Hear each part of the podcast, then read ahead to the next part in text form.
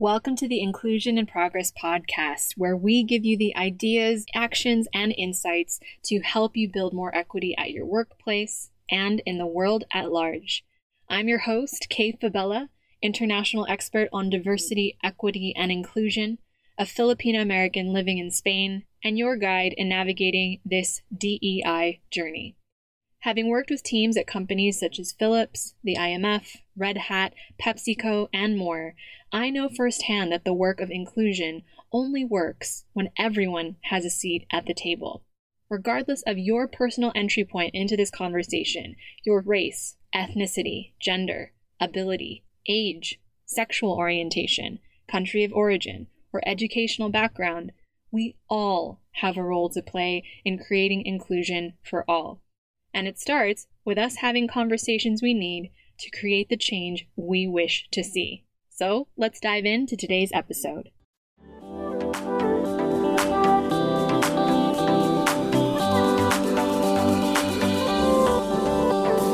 Welcome back to Inclusion in Progress. So, we are now coming up on the end of March, or Women's History Month, which, understandably, a lot of the talk and the celebration about it has gotten for lack of a better word, overshadowed because of the coronavirus outbreak. And I can say, from my vantage point here in my adopted country of Spain, all we can do right now is just observe the situation carefully. We're preparing ourselves for social distancing measures, anything that we can try and do to flatten the spread of COVID 19.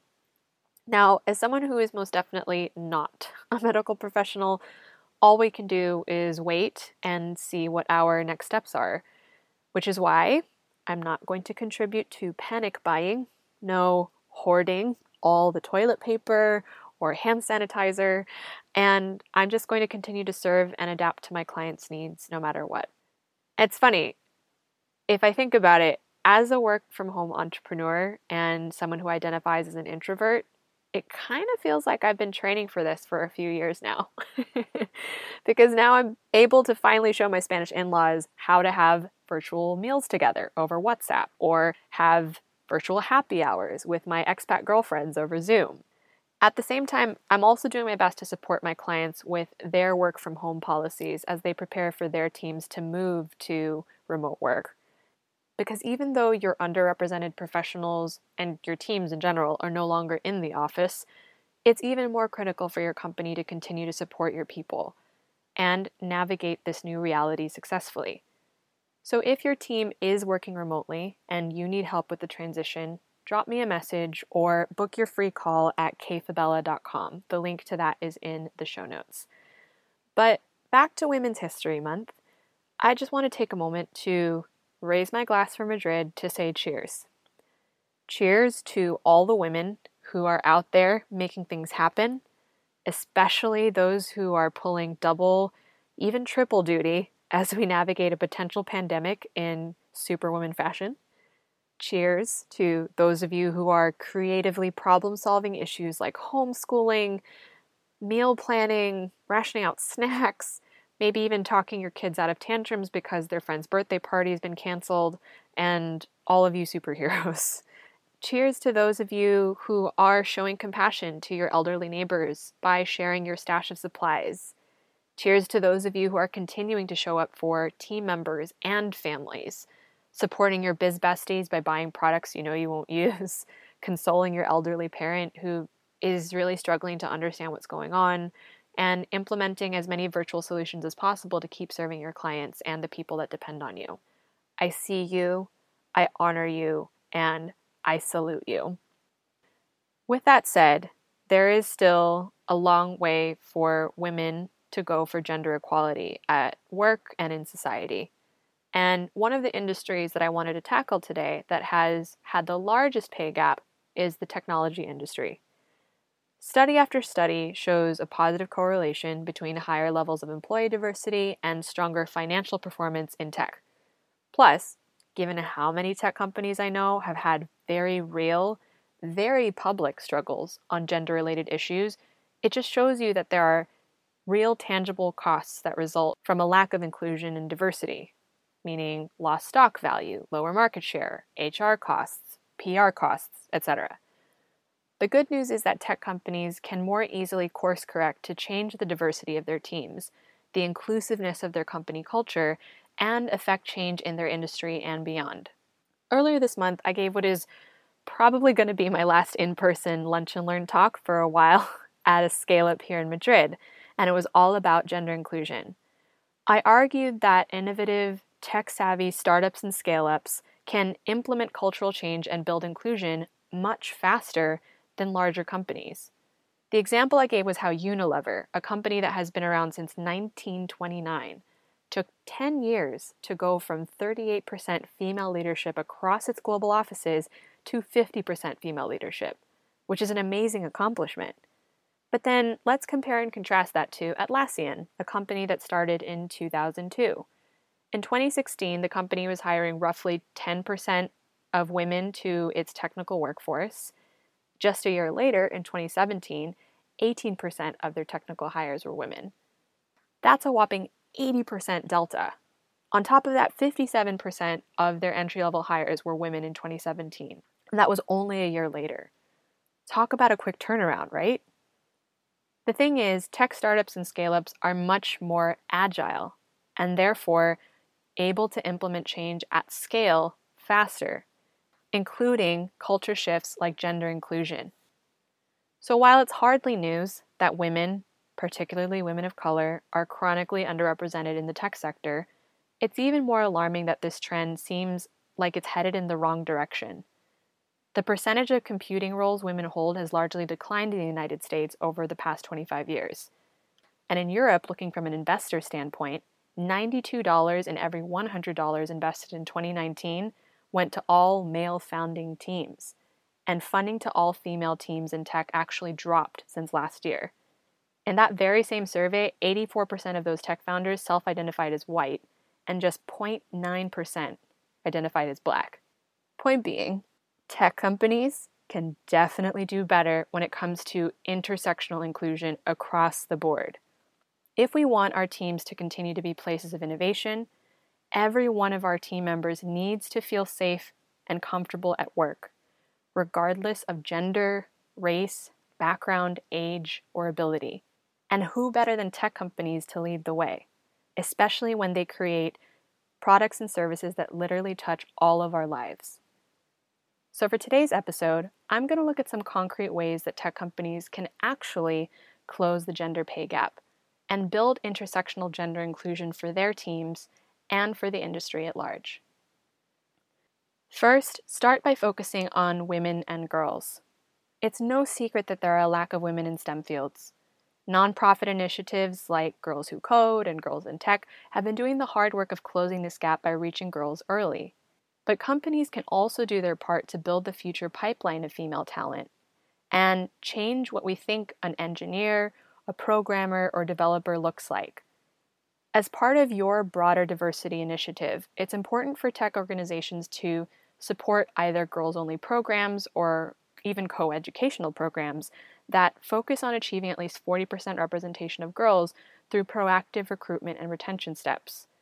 Tech companies I've spoken to, like Monzo and Revolut, are actively engaging in industry collaboration and partnership with schools and universities to encourage more women into technology. And for women who are already in your company, look at revisiting your existing flexible working policies to account for single moms and women who wish to return to your organization after maternity leave. Actively engage with your women's ERG leadership to see what types of mentoring, learning, and training opportunities that you can proactively provide for your female employees to encourage a type of leadership that doesn't penalize women for being outspoken, nor pigeonhole them into a stereotypical alpha male role for them to get ahead. If you truly want to focus on women's equal representation as a leader in the tech industry, there is no passive way to approach gender inclusion. Which leads me to point number two reach out to underrepresented groups, especially women of color. Women were offered 3% less than men for the same tech job at the same company in 2018 according to data from Hired, which was a job website that focuses on placing people in tech jobs such as software engineers, product managers, or data scientists. That is slightly less than 2017 when the pay gap was 4%. And if you look at women of color, they had it even worse. Latinx and black women were offered 91 cents and 89 cents, respectively, for every dollar offered to a white man for the same role at the same company. As I mentioned in last week's episode, What Women of Color Want White Women to Know, women's experiences aren't a monolith. When it comes to experiences at work, women of color in particular are often gambling their personal safety and careers to come forward when they're on the receiving end of racist and sexist behavior. And we have more barriers to go through to even get a seat at the table at tech companies to begin with. Women in general already experience different roadblocks and biases when it comes to pursuing a career in tech. Now, multiply that by 10 or 100 for women of color, all due to factors that we can't control, like race, ethnicity, socioeconomic status, sexuality, the country we were born in, and other aspects of our different identities and backgrounds. Part of the reason for the pay gap in tech is that women, especially women of color, in general just ask for less. They ask for less because they've been historically paid less and don't receive promotions at the same rate as white men. Tech companies can solve this by supporting specific strategies and programs that address women of color who face more levels of marginalization. According to the American Bureau of Labor Statistics, tech jobs are growing much faster than employment in general. They are, quite simply, the jobs of the future. And therefore, tech has the capacity to equalize opportunity and income for women and people of color in a much bigger way than other industries. Focusing on the experiences of those who face the greatest number of barriers will help you create solutions that will ultimately improve the inclusivity of the tech sector for all underrepresented groups. And if you need support in creating meaningful, measurable diversity and inclusion initiatives to help close the gender pay gap in your tech company, Get in touch with me at the link in the show notes for your free call, or head to my website, kfabella, F as in Frank, A, B as in boy, E L L A.com. I work with tech companies, startups, and scale ups at all stages of their D&I journey. On our call, we'll create a bespoke solution that's tailored to your organization to help you create a culture where diverse talent, regardless of gender, age, ethnicity, or ability, can truly thrive. Belonging is good for business and it starts with creating balanced teams within your company today. So, again, be sure to book a call with me at the link in the show notes or head to kfabella.com today. Number three, encouraging non minorities to be allies and mentors. Last but not least, it's important to remember that the work of inclusion can't be done without buy in at all levels of your company. I recently saw this happen at a workshop I gave where there was an interesting exchange between a woman at the C suite level of her tech company and one of her female employees. The woman at the C suite level shared she'd never experienced or witnessed anything to make her think that her employees weren't already gender inclusive.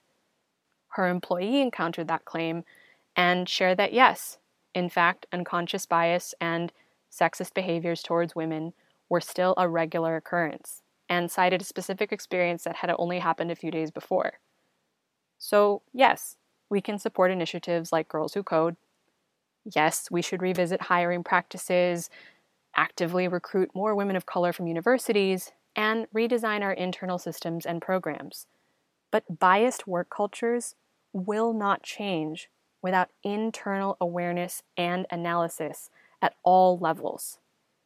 Without transparency between your leaders and your employees, especially when those leaders are non minority men and women, we can't ever hope to close the gender pay gap in tech. Which is why your conversation about diversity and inclusion, or DNI, can't place the burden on minority talent alone. You also have to encourage non minorities to be allies and mentors to have all hands on deck in leading the change towards more gender inclusion. And if you happen to be a non minority listening to this, who's curious to hear how you can help contribute to a more inclusive workplace at your tech company, I've got your back. so, first, let's start with white cisgender women. This long lasting narrative of women in tech centers around getting more women into the industry because we still continue to occupy such a low number of positions. But when you raise up the magnifying glass and zoom in on the conversation from a racial perspective, you start to see a story that's not being told fully. According to data on Silicon Valley's gender and racial demographics, white men hold nearly 60% of executive positions, which is four times that of white women. Yet, white women occupy executive positions 36 times more frequently than black women. Just this data alone indicates that bucketing all women into one group is extremely problematic because it covers up a huge gap between white women and their minority counterparts. If white women fail to see the access and privilege that they're afforded, the women in tech narrative is going to continue to be characterized by their perspectives, thus erasing the experience of black women and other women of color.